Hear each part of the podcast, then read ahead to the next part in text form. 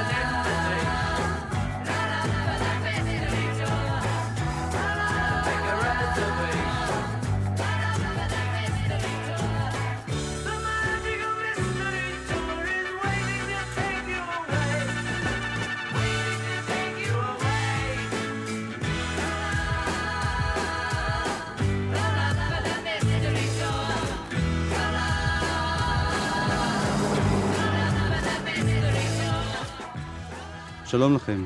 The Magical Mystery Tour, מסע הקסם המסתורי או מסע המסתורין הקסום, הסרט והתקליט הם נושאי התוכנית היום. התקופה בה אנו נמצאים מסוף שנת 1967. זמן קצר אחרי השיא של סרג'נט פפר הגיעו הביטלס למה שהפך להיות הכישלון הראשון שלהם, הפקת סרט עצמאי. בתוכנית שעברה סיפרתי על מותו של בריין אפשטיין ב-27 באוגוסט. מותו של בריין לא גרם למשבר מתמשך בלהקה, והם התאוששו מהר מאוד. אך כשבריין מת, איבדו הביטלס את הדבר החשוב ביותר שהיו זקוקים לו, פרט לכישרונם. מישהו שיגיד להם לא, כשצריך להגיד לא. מישהו שיגן עליהם מפני העולם הסובב, עולם העסקים. עם מותו של אפשטיין הסתבכו הביטלס מיד בשתי הרפתקאות כושלות. הסרט מסע הקסם המסתורי וחברת תפוח שהייתה צריכה להיות חברת על שתעסוק בכל תחומי הפופ חנויות בגדים, סרטים, מוזיקה וחפצי אומנות. בהקמתה של חברת תפוח נעסוק בהרחבה בתוכנית הבאה. היום נצטרף אל הביטלס אל מסע הקסם המסתורי שלהם. כך נשמעה פתיחת הסרט הזה, שהוקרן לראשונה בסוף דצמבר 1967.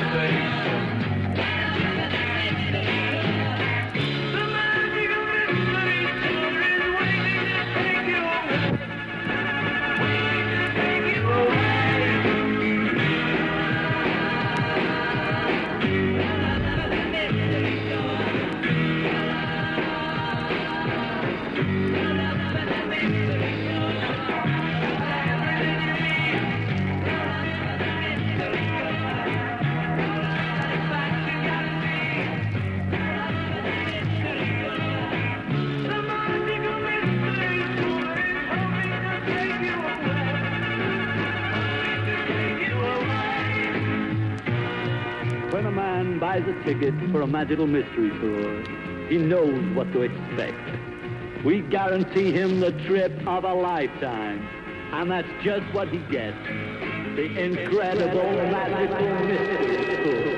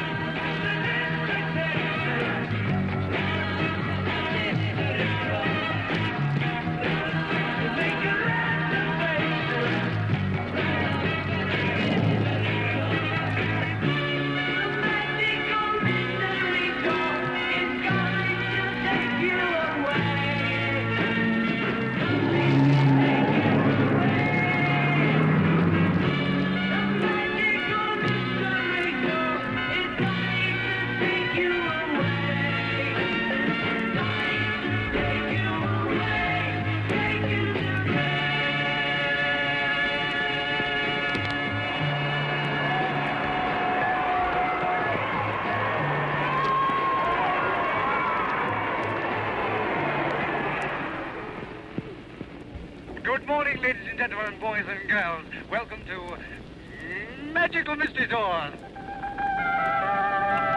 I am your courier, Jolly Jimmy Johnson.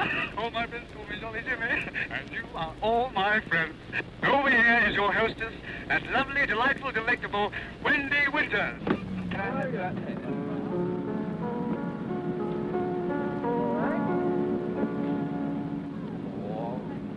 My lucky day. כך נפתח הסרט Magical Mystery Tour. התחלת פרשת מסע הקסם המסתורי הייתה בתחילת השנה. תוך כדי העבודה על סארג'נט פפר, החל פול כותב שיר בשם Magical Mystery Tour. הכוונה הייתה לשלב את השיר הזה בסארג'נט פפר, והוא גם הוקלט באותה תקופה. לבסוף, כשהוחלט על הקונספציה של סארג'נט פפר, נשאר השיר הזה בחוץ, ונשכח במשך חודשים אחדים, עד שהביטלס התכנסו לאחר מותו של בריין להחליט איך להמשיך ולפעול בלעדיו. הרעיון של פול היה לשלב בין מסעות טיולים בריטיים מסורתיים וסיפור שהוא קרא על היפים אמריקניים שנסעו שנתיים קודם לכן באוטובוס כשהם מסוממים לחלוטין. פול החליט לשכור אוטובוס ולצאת לטריפ, על שתי המשמעויות של המילה, באזור הכפרי של צפון אנגליה. הביטלס החליטו לדחות את נסיעתם המתוכננת להודו ולהתרכז בפרויקט הבא של הלהקה. הרעיון המקורי של פול היה לצאת באופן ספונטני למסע ולהסריט כל מיני הרפתקאות מאולתרות, לא להתבסס על תסריט מדויק ועל חומר כתוב שחזרו עליו. ההסרטה החלה ב-11 בספטמבר 1967. הביטלס ואיתם צוות של 43 איש, שחקנים, צלמים ועוזרים, יצאו לדרך. הם התחילו את הנסיעה מלאי התלהבות. הגיעו במהירות לצפון אנגליה, שם עצרו במקומות שונים שנראו להם מתאימים להסרטה. אך תוך זמן קצר התברר להם שהמסע לא קסום ובכלל לא מסתורי. הוא היה שורה ארוכה של תקלות, הפרעות מצד עשרות עיתונאים ואלפי מעריצים שהקיפו את האוטובוס לאורך כל הדרך. הביטלס חשו עצמם אבודים וחסרי ישע ללא הגנה של בריין והארגון שלו. ההסרטה הייתה בלתי מאורגנת לחלוטין. אחרי שבועיים חזרו הביטלס מלוויהם ללונדון כשהם תשושים ובאמתחתם מאות שעות של סרט יקר. פול מקארטני סיפר על העשייה של Magical Mystery Tour. למדתי שקל מאוד להיות מעורב בכל דבר. קל לראות את הדבר מיד, אבל צריך לבזבז הרבה זמן כדי להבין את החוקים של האיגודים המקצועיים שקשורים לעניין. צריך ללמוד את החוקים של אלה שעושים סרטים מבלי לפגוע בהם. היה לנו מזל עם הטכנאים שעבדו איתנו, אבל היה קשה להם להתרגל לעבודה מאולתרת. אם הם רוצים לצלם ביום שמש, הם יכולים לחכות ימים שלמים ליום כזה. ואנחנו ניסינו לאלתר יותר, ליצור לפי המצב הקיים. סרטים צריכים להיות אלסטיים וגמישים יותר. לעשות סרט זה בדיוק כמו לעשות תקליט, אתה מצרף הרבה דברים יחד ומתאים אותם זה לזה. ההבדל הוא שזה צליל וזה מראה. בעוד שנים אחדות יהיו תקליטים עם סאונד ועם תמונה. אנשים לא יאמינו שבימינו רק שמענו תקליטים. לא היו לנו דאגות בגלל העובדה שלא עשינו סרטים קודם לכן. הבנו שנים רבות לפני זה שאינך צריך ידע כדי לעשות משהו בעולם הזה. כל מה שצריך זה חושים טובים. פול מקארטני עריכת הסרט הייתה ארוכה ומייגעת. היא נמשכה כחודשיים וסבלה, כמו הסרטה, מחוסר מקצועיות ואלתורים. בבוקר היה פול מגיע לחדר העריכה שבסו הלונדוני ועובד שעות אחדות עם צוות העריכה. אחרי לכתו היה מגיע ג'ון ועורך מחדש מה שפול ערך, וכשהוא היה הולך, היה רינגו מגיע ומשנה שוב את הסרט. בסופו של דבר, קוצר הסרט ל-60 דקות והוספה לו מוזיקה שנכתבה במיוחד על ידי הביטלס. נשמע עכשיו את אחד משני הקטעים המוזיקליים שחיברו הביטלס לפסקול ואשר לא הופיעו באף תקליט רשמי שלהם. הקטע נקרא האקורדיון הפראי של שירלי, Shirley's Wild Accordion, ומבוצע על ידי האקורדיוניסט שירלי קולינס.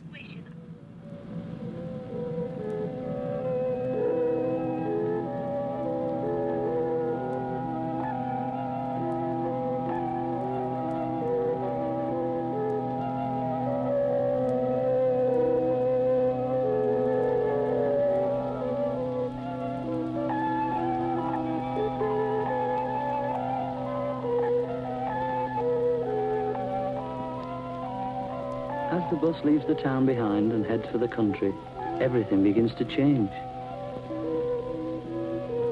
Well, almost everything. And already the magic is beginning to work.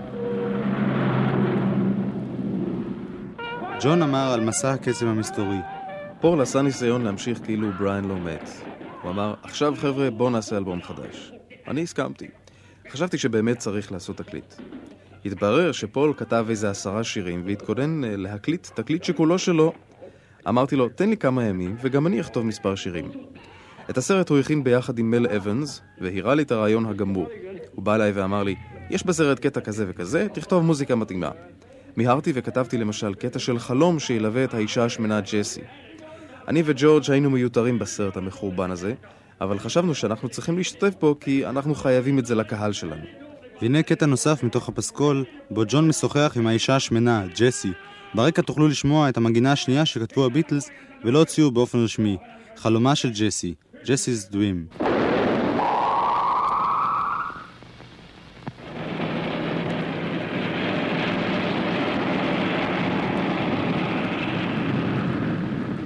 Jessie's home. And she's dreaming. she's dreaming about food. Food. Food. Beautiful food. Food. Food. This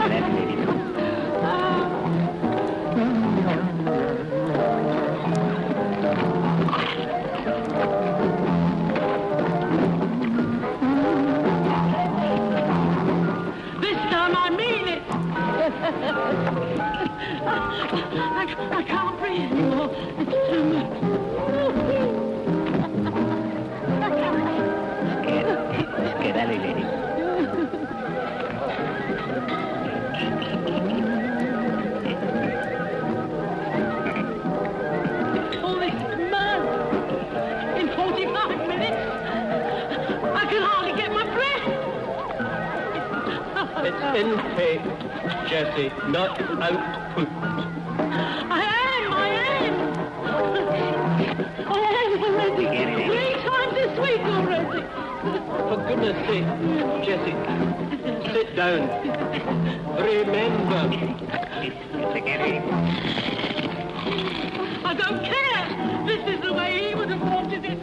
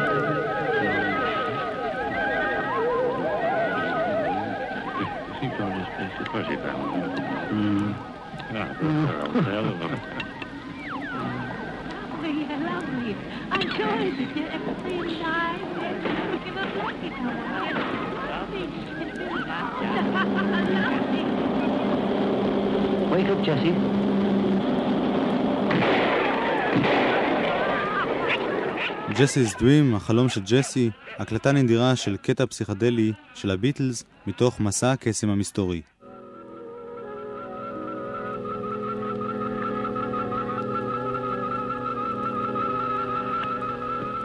Beyond the blue horizon, far above the clouds, in a land that no one knows, live four or five magicians who spend their days casting wonderful spells.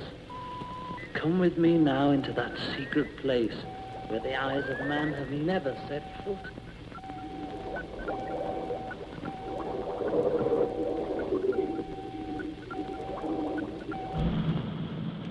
מג'יקל מיסטרי טור הוקרן בטלוויזיה הבריטית לראשונה ב-26 בדצמבר 1967. הוא הוקרן בשחור לבן למרות שצולם בצבע. הביקורת קטלה את הסרט פה אחד. הם הגדירו את ההפקה הזו כהפקה חובבנית, כזבל מושלם עם חוסר המשכיות, שטות חסרת טעם. זה היה הכישלון הרציני הראשון של הביטלס, והם נפגעו מאוד מיחס הביקורת. פול נפגע במיוחד. הביטלס האשימו את אנשי הטלוויזיה בהריסת היופי בסרט בגלל שהקרינו אותו בשחור לבן, ואת המבקרים בצרות מוחין או באי הבנה לסגנון החופשי בטכניקה ובבימוי של הסרט.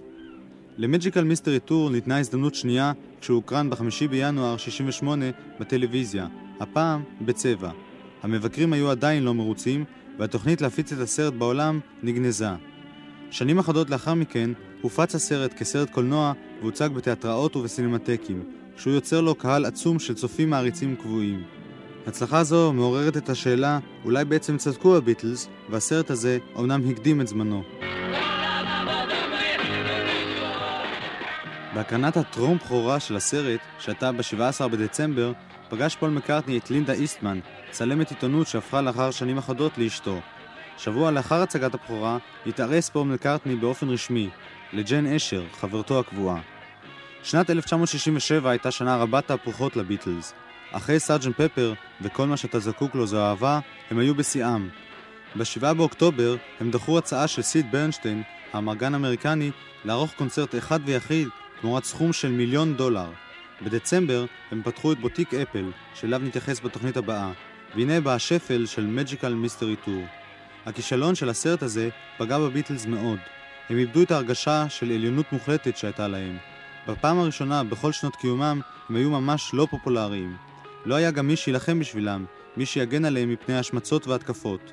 אם בריין אפשטיין היה חי, אמרו כולם, הוא לא היה מניח לנו לעשות סרט כזה. That was a magical mystery tour. I told you. Goodbye.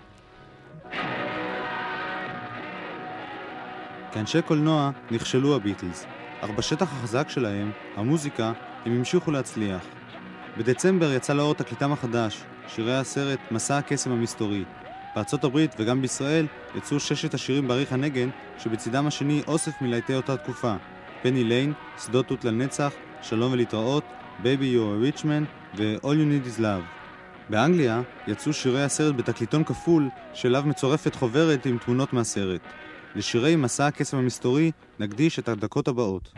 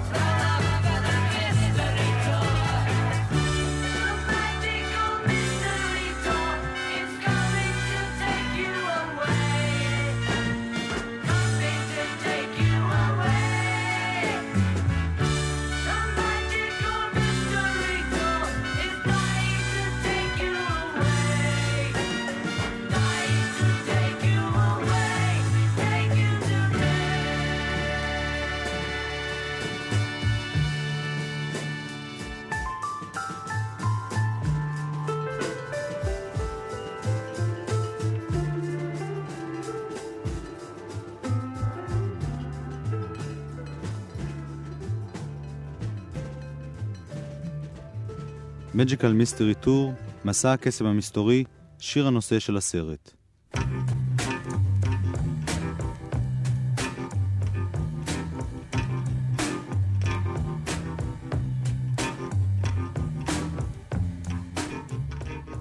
על האלבום Magical Mystery Tour אומר המוזיקאי יוסי מר-חיים. בניגוד לשירים שנכללים בסרט בדרך כלל, אני לא רוצה בכלל להתייחס לסרט ולמעמד של השירים בסרט, משום שזה לא מחזה מוזיקלי שבו אפשר להגיד ששיר מסוים שייך למעמד בסרט, אלא זה סרט שנתפר מסביב לשירים. לכן הצלחת הסרט או אי הצלחתו, אפשר להפריד אותה לגמרי מהתוכן המוזיקלי של השירים. בגלל המעבר לכל מיני תמונות בסרט, יש לנו פה ריבוי של סגנונות. אבל זה לא סתירה לגבי התהליך הטבעי של הביטלס, שמה שמתברר הוא, וזה התחיל כבר להתברר בשלב מאוד מוקדם, שהביטלס בשום פנים לא מוכנים להסתפק בסגנון אחד. כל הלהקות שהיו בזמן הביטלס בדרך כלל השתלמו בסגנון מסוים. פה יש ממש ריבוי של סגנונות, וגם יש כאן מבחינה קצבית הליכה בעצם עם קצב חדש, עם קצב רוק חדש, שדי השפיע על להקות אחרות.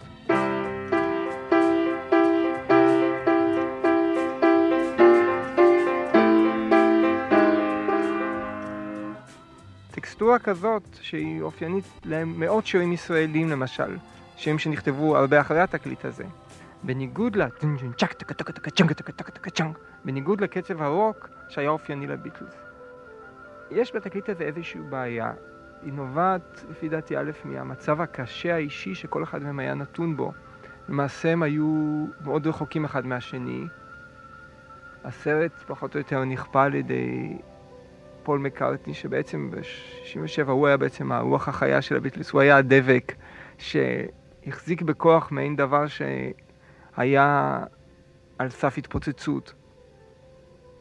ניכרת אה, נטייה מאוד ברורה בתקליט הזה לנצל את ההישגים של סאז'נט פפר, לעבוד לפי אותו מתכונת, לתפוס פורמולה טובה של ארגון תקליט ולארגן תקליט נוסף.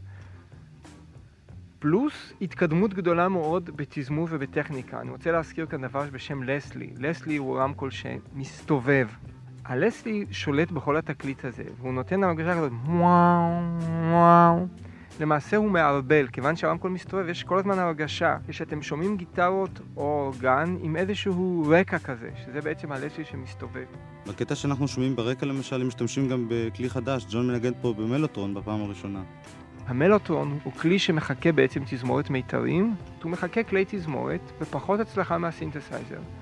העיקרון של המלוטרון היה ידוע כבר בשנות ה-40, אבל כיוון שבמוזיקה לא היה צורך בו, לא נוצר המלוטרון. המלוטרון באופן מסחרי התחיל להיות נפוץ בסוף שנות ה-60, והביטלס בין הראשונים שאימצו אותו. הביטלס נותן להם הרגשה של תזמורת מיתרים איפה שאין תזמורת מיתרים. כל זה אופייני לתקופה הפסיכדלית, גם המלוטרון, גם הלסלי. כל זה זה נותן לתוך קצב מאוד חתוך, צבע מסוים שזה הצבע של Magical Mystery הוא צבע מאוד מיוחד. כלומר, יש הישגים בתזמור, יש מנגינות נפלאות, בכל אופן זה לא סאז'נט פפר, פחות מגובש, מתחיל להגיד דברים פרטיים. עכשיו, לכל אומן יש איזשהו רגע מסוים שבו הוא כבר בעצם מנסה להרשים את עצמו, הוא מנסה להרשים קבוצה יותר קטנה. ג'ון לנון באותו תקופה הכיר את יוקו. ידוע שהיא למשל מתחה ביקורת מדוע כל השירים שלכם הם רק בארבעה רבעים וכל כך פשוטים, אני בטוח שהוא רצה להרשים אותה. והוא מתחיל כבר להתחיל לצטט את עצמו, כמו שהוא אומר, see how they fly like Lucy in the sky, מתחיל להתייחס לתקליט קודם שלו. וכשזה קורה בספרות, כשזה קורה בקולנוע, שאומן כבר מתחיל להסתכל ולצטט את עצמו ולנסות ללכת לפי פורמולות קודמות, אנחנו יודעים שיש פה איזושהי התחלה של סוף. אני בכל אופן רואה את Sergeant Pepper כנקודת שיא, ופה ירידה למרות שיש להם מומנטום ורצון לחדש דברים. ועל הקטע שברקע, Flying, אומר יוסי מהחיים. הקרדיט על החיבור של המנגינה הוא לכל הלהקה. כלומר, הריסון, לנון, מקארטני ורינגו מופיעים כמחברים מנגינה אינסטרומנטלית. אני מניח שהם ישבו באולפן ועבדו על המנגינה ביחד. זה מסוג הדברים שלא היית מחכה מהביטלס לחבר, משום שזה לא שיר.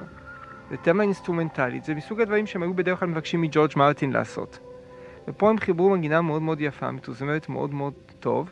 זה שוב פעם סגנון. הביטלס עפים, ואת השיר הבא צריכות גם האימהות להכיר.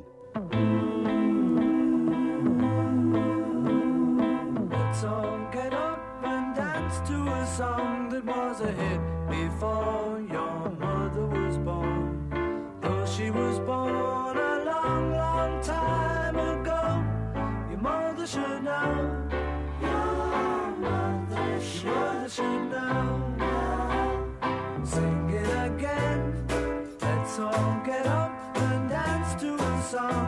miles ahead. Before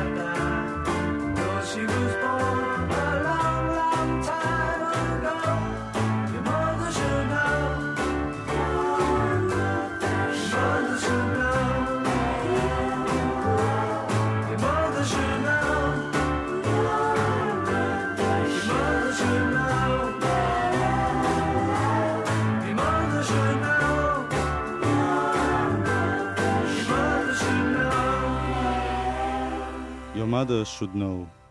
אמא שלך הייתה צריכה לדעת. השיר Your Mother Should Know, מין מגמה מאוד סנטימנטלית שדי אופיינית לפול מקארטני ויותר מאשר לביטלס האחרים. אני שוב פעם תהילה לדור הזהב של, ה... של ההורים, למעשה זה מבחינת מילים שייך כאילו When I'm 64, מבחינת אה, תזמור ומבחינת מוזיקה, השתלטות הביטלס על סגנונות עתיקים של שנות ה-20. כל האווירה הזאת היא באמת לא אווירה של הביטלס, היא אווירה של שנות ה-20, עם איזשהו, עם איזשהו פלפל. זה מקארטני במיטבו, יש שם דברים נורא נורא יפים, בעיקר מבחינה הרמונית. כשאנחנו קוראים את When I'm 64, אנחנו רואים שיש פזמון אמנם, אבל קשה מאוד לשיר אותו משום שהוא אומר שורה ומנגן שורה. עכשיו, אנחנו יודעים ששיר צריך לכלול בית ופזמון. פול מקארטני עושה כאן משהו מאוד יפה. יש לנו בית, תיתן לי מנגינה ישנה שאפשר לרקוד אותה, ואמא שלך תדע איך לעשות את זה. ואת הפזמון הוא מוותר על החריזה שלו. זאת אומרת, במקום להכניס שם איזושהי שורה שאין בה צורך, הוא פשוט אה, מנגן אותו. מנגן אותו אבל בצורה שמזכירה פסנתר כנף של איזה משפחה. מאוד מאוד מתאים כאן ומאוד מאוד יפה. משיר של פול מקארטני אל השיר היחיד שתרם ג'ון לנון למסע הקסם המסתורי. I am the Walrus, אני סוס הים, אחד השירים הנהדרים של הביטלס. הדבר החשוב ביותר לפי דעתי, I'm the Walrus, שזה לנון מההתחלה ועד הסוף, שם יש כל מיני פלאים. הציטטות שיש כאן, זה מ-T.S. אליוט, מאדגר אלן פה, מלואיס קרול ועליזה בארץ הפלאות. שיטת החריזה, סוג ההומור, סוג התזמור, והשימוש בטה-טה-טה-טה-טה-טה-טה. זה לפי דעתי הקטע הטוב ביותר בתקליט. את השיר הזה לנתח מאוד מאוד קשה, משום שהוא עובד כאן על כמה וכמה מישורים. לפעמים הוא עובד על מישור של שטויות מוחלטות, ממש נונסנס. מצד שני, יש כאן כל מיני דברים מאוד יפים, מין התקפה כזאת על הבורגנים. ובשיר הזה יש את האווירה של עליזה בארץ הפלאות. יש כאן השלכות של כל מיני דברים שלפעמים זה הומור, לפעמים זה דברים מאוד מאוד רציניים. עכשיו, הקטע הזה הוא נהדר. לשבת בגינה אנגלית ולחכות לשמש, אם השמש לא תבוא, אתה תשתזף מהגשם.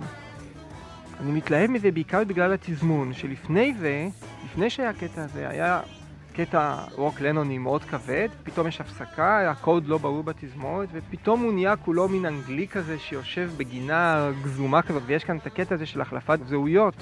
I am he as you are he as you are me and we are all together. זה דבר ענקי, גם הסוף שלו, ואנחנו דיברנו בתקליטים הקודמים, בסארג'נט פפר, העניין הזה של לפתח דברים לקראת הסוף. פתאום מתחיל האקשן. ויסלחו לי חבריי המוזיקאים הקלאסיים, בטהובן, אחד הדברים הבולטים אצל בטהובן למשל, זה זה שאצלו התחיל שמח בקודה. במקום שמוזיקאים אחרים היו רגילים לתת את שני האקורדים של הסיום, היה מופיע לפעמים עוד חצי פרק. שזה שווה להתעכב על I'm the Walrus, לשמוע אותו הרבה פעמים, שהוא הפנינה של התקליט. אנחנו אכן נשמע את השיר הזה פעמים אחדות, בתוכנית הזאת לפחות, פעמיים. וקודם כל, קטע מהגרסה שיצאה לאחרונה באלבום Rarities, ובו קטעים נדירים של הביטלס. באלבום הזה מוקלטת גרסה אמריקנית של השיר, השונה מעט בבישול המוזיקלי מהגרסה האנגלית, I am the Walrus. I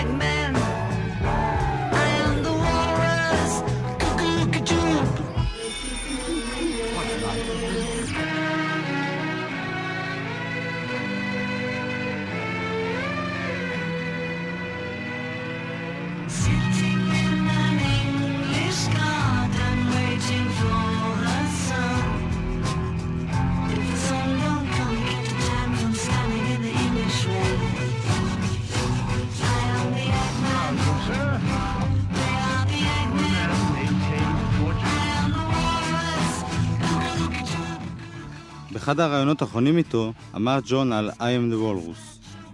את השיר הזה כתבתי בתקופת שיא הדילניות שלי. הפטנט היה אף פעם לא לומר בפשטות מה שאתה מתכוון אליו, אלא לתת הרגשה של משהו יותר מסובך. זה משחק נחמד. את השורה הראשונה כתבתי בטריפ LSD אחד, את השורה השנייה לאחר שבוע בטריפ שני, וכך הלאה.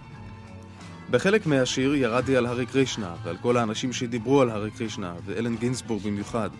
הביטוי elementary penguin, פינגווין יסודי, מתכוון לכל אלה שהולכים מסביב עצמם ושרים הארי קרישנה, או שמים את כל אמונם בסמל אחד. כתבתי בצורה נסתרת, א-לה דילן. השיר הזה היה פנטסטי בסטריאו, אבל אף פעם אינך יכול לשמוע בו הכל. הדמות של הוולרוס, סוס הים עצמו, לקוח מהספר אליסה בארץ הפלאות, מהקטע על סוס הים והנגר. בעיניי זה שיר נפלא. אף פעם לא עלה בדעתי שלואיס קרול התכוון לקפיטליזם ולשיטה החברתית. אף פעם לא התעמקתי בפרשנות של שירים כמו שעשו לשירים של הביטלס. אבל אחר כך, כשבדקתי את השיר הזה, הבנתי שסוס הים היה הברנש הרע, והנגר היה הטוב. טעיתי בבחירת הגיבור. הייתי צריך לשיר I am the carpenter, אני הנגר, ולא I am the walrus. אבל זה לא היה יוצא אותו דבר. ג'ון לנון. הפעם ניתן לג'ון את הכבוד גם להציג את השיר. ג'ון מספר שהוא אוהב את Magical Mystery Tour כיוון שזהו אלבום מוזר כל כך. את השיר I am the Walrus הוא אוהב כיוון שהוא עשה את השיר הזה, וגם בגלל שיש בשיר כל מיני דברים קטנים שיעניינו אתכם גם בעוד מאות שנים. Now we're going to play a track from uh, Magical Mystery Tour, which is one of my favorite albums because it was so weird.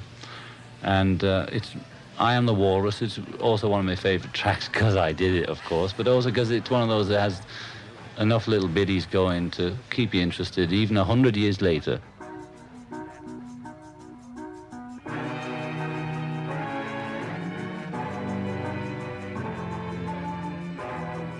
וזו הגרסה המוכרת של השיר.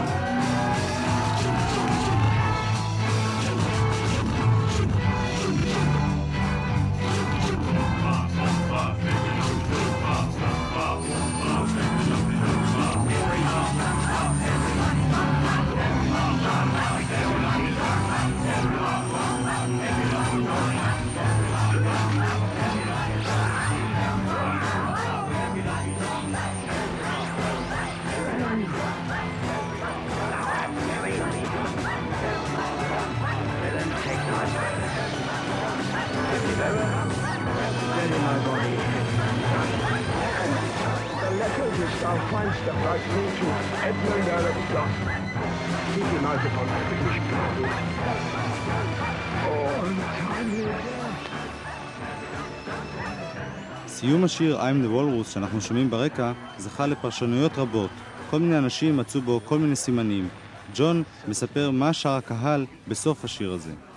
What they're saying at the end there? Everybody's got one, everybody's got one. לכל אחד יש אחד, לכל אחד יש אחד.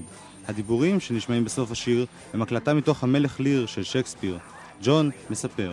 That was live radio coming from the BBC, though they never knew it. When I was mixing the record, I just had a radio in the room that was tuned to some BBC channel all the time, and we did about, I don't know, half a dozen mixes, and I just used whatever was coming through at the time. I never knew it was King Lear till years later somebody told me, because I could hardly make out what he was saying. But uh, I just sort of, it was, it was interesting to r- mix the whole thing with a live radio coming through it. So that's the, uh, the secret of that one. זה היה שידור חי ברדיו, זה בא מה-BBC, למרות שלא ידעתי זאת כשבישלתי את המוזיקה. בזמן העבודה הרדיו היה מכוון לאיזו תחנה של ה-BBC, והשתמשתי בקטע בכלל בלי לדעת שזה המלך ליר, עד שלאחרי כמה שנים מישהו אמר לי. בקושי הבנתי מה נאמר שם. זה פשוט היה מעניין לבשל קולות מהרדיו.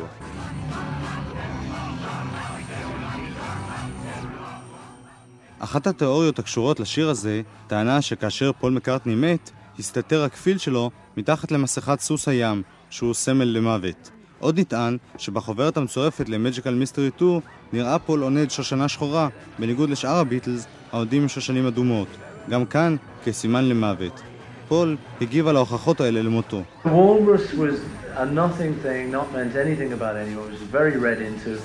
And what happened was when we did Magical Mystery Tour and portrayed it, I actually put on the walrus mask. The one on that wall all swaying happens to be me with the walrus thing. That's it. Just we just picked up a head each. There's no thought behind it. All of us, as you can tell from talking to me now, has never had really deep thought. I had a black carnation because they'd run out of red ones. הוולרוס היה שום דבר, לא התכוון לאף אחד. כשעשינו את Magical Mystery Tour, אני הייתי זה שלבש את המסכה של הוולרוס. במקרה, כל אחד לבש איזושהי תחפושת. לאף אחד מאיתנו לא הייתה כוונה. לי הייתה שושנה שחורה בצילום המפורסם בגלל שנגמרו השושנים האדומות. השיר הטוב ביותר שפול תרם למג'יקל מיסטרי טור היה השוטה על הגבעה, The Full on the Hill. יוסי מהחיים. יש כאן איזשהו המשך של השירים ההומניים, מבט יותר אוניברסלי, יותר כללי. אפשר להגיד, השיר הזה לא נופל בחלל הריק, אנחנו כבר מחכים מהביטלס לאיזשהו שירים שהנושא שלהם הוא כבר לא שיר אהבה, אלא הסתכלות יותר כללית על הטבע האנושי. כאן יש איזשהו מוטיב שהוא מאוד מאוד בנאלי, הטיפש שלמעשה רואה יותר מכולם. אבל השיר הזה מובא בצורה מאוד יפה. שוב פעם, תזמור של כלי נוסף, גם חליל וגם חלילית.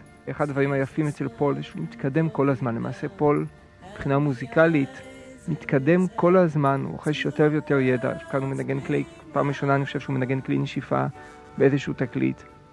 הוא עושה את זה מאוד יפה. זה שוב פעם, גם כן מעין masterpiece קטן.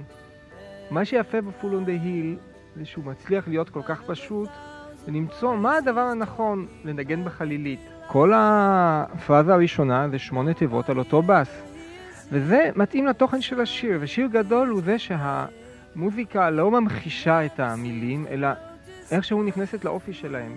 אני תמיד כשאני שומע את הסולו של החליל, אני חושב שאני רואה איזה מין מישהו שהוא נחשב לטיפש הכפר, קופץ בכל מיני קפיצות משונות על הסלעים.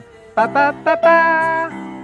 פה פה פה פה או בקטע הזה שהוא מתעקש כאילו באו, באו, באו, באו. זה מין שמחת שוטים כזה, מין שוטה טהור לגמרי. ויש כאן משהו שאנשים שכותבים טקסטים, כדאי להם להסתכל. איך נגמרת שואה ואיך מתחילה שואה. אף אחד לא רוצה להכיר אותו, מי שחושבים שהוא טיפש. והוא לא נותן תשובה, אבל השוטה על הגבעה, ואז ממשיך, רואה את השמש יורדת. בדרך כלל אנשים לא כותבים ככה, הם כותבים, כשנגמר השורה, גם נגמר רעיון, הוא עושה נורא יפה. He never gives an answer, but the fool on the hill, see the sun going down. עכשיו, the fool on the hill, מה שמשמש כסוף משפט, זה התחלה של משפט חדש. זה טכניקה של כתיבת שיר, שבעצם אפשר להשיג את זה רק אם אותו בן אדם כותב את המילים ואת המנגינה, יכול להרשות לעצמו את הגמישות הזאת. day after day, alone on a hill. The man with the foolish grin is keeping perfectly still. But nobody wants to know him, they can see that he's just a fool.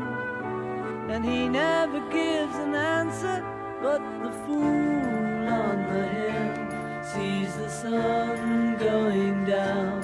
And the eyes in his head see the world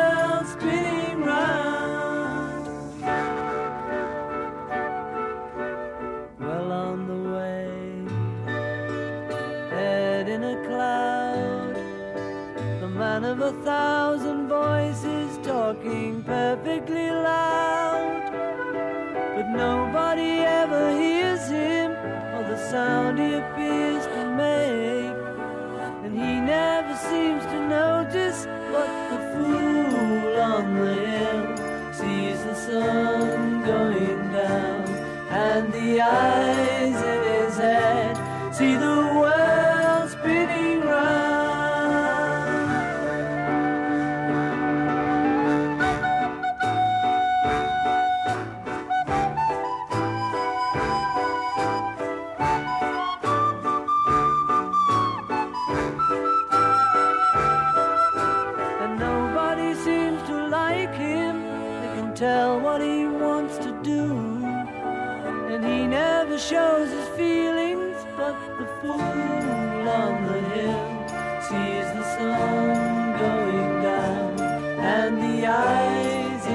his see the world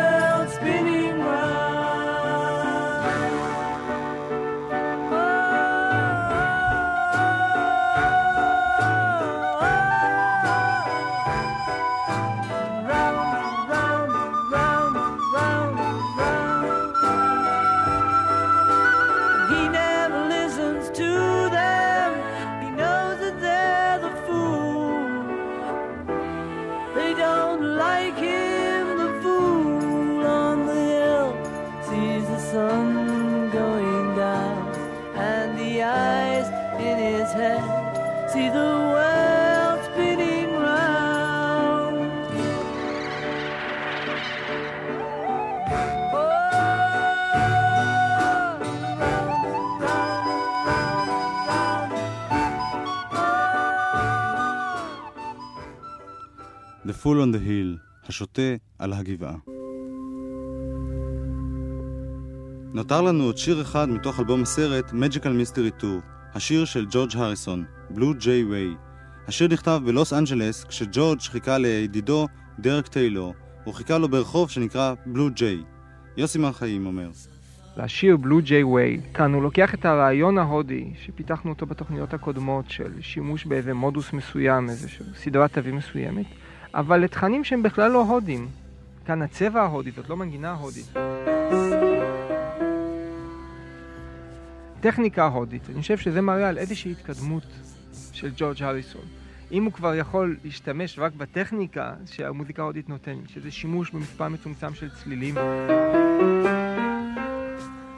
ובצליל הזה של הסיטר, כאן לא שומעים למעשה את הסיטר ככלי הודי, שומעים אותו כמין צליל עמום. אני חושב שהוא לגמרי התרחק פה מההוויה ההודית, הוא רק השתמש בטכניקה ההודית כדי לדבר על הדבר הזה של אובדן בתוך חוסר ממשות. מה שקורה בשיר בלו ג'יי ווי, יש כאן האדם שנאבד בתוך איזשהו מין חוסר ממשות.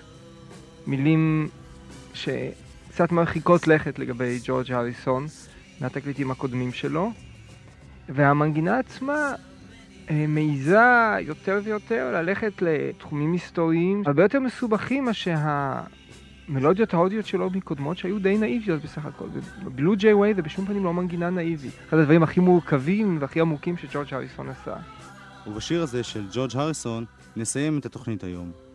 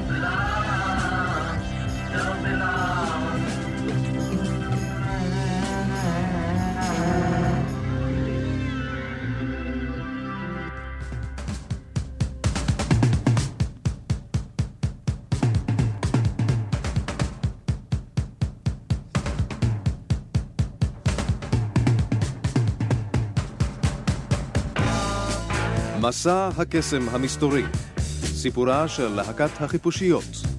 סדרת תוכניות בעריכת יואב קוטנר. עוזר עריכה עודד היילברונר. הקלטות נדירות הלל אברמוב. הקליט דורון זאב. בשבוע הבא, היי hey ג'וד, הקמתה של חברת תפוח.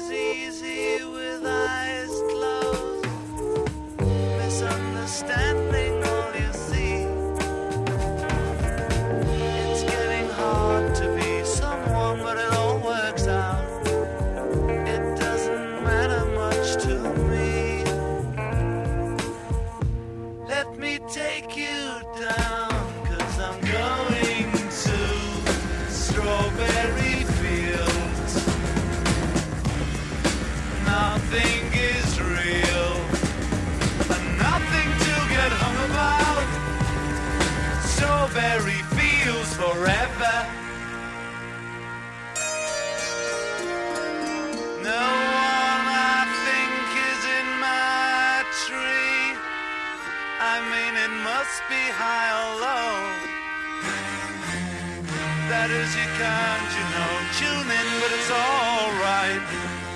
That is, I think it's not too bad.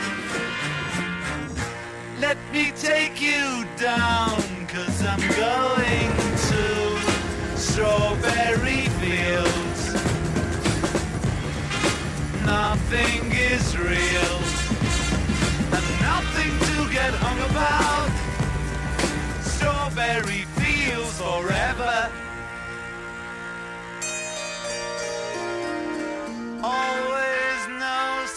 sometimes think it's me. But you know I know when it's a dream. I think I know, I mean, uh, yes, but it's all wrong. That is, I think I disagree. Let me take you down, cause I'm going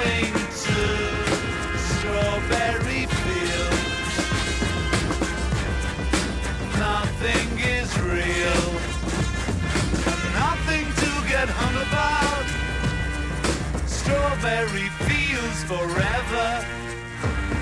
Strawberry fields forever. Strawberry fields forever.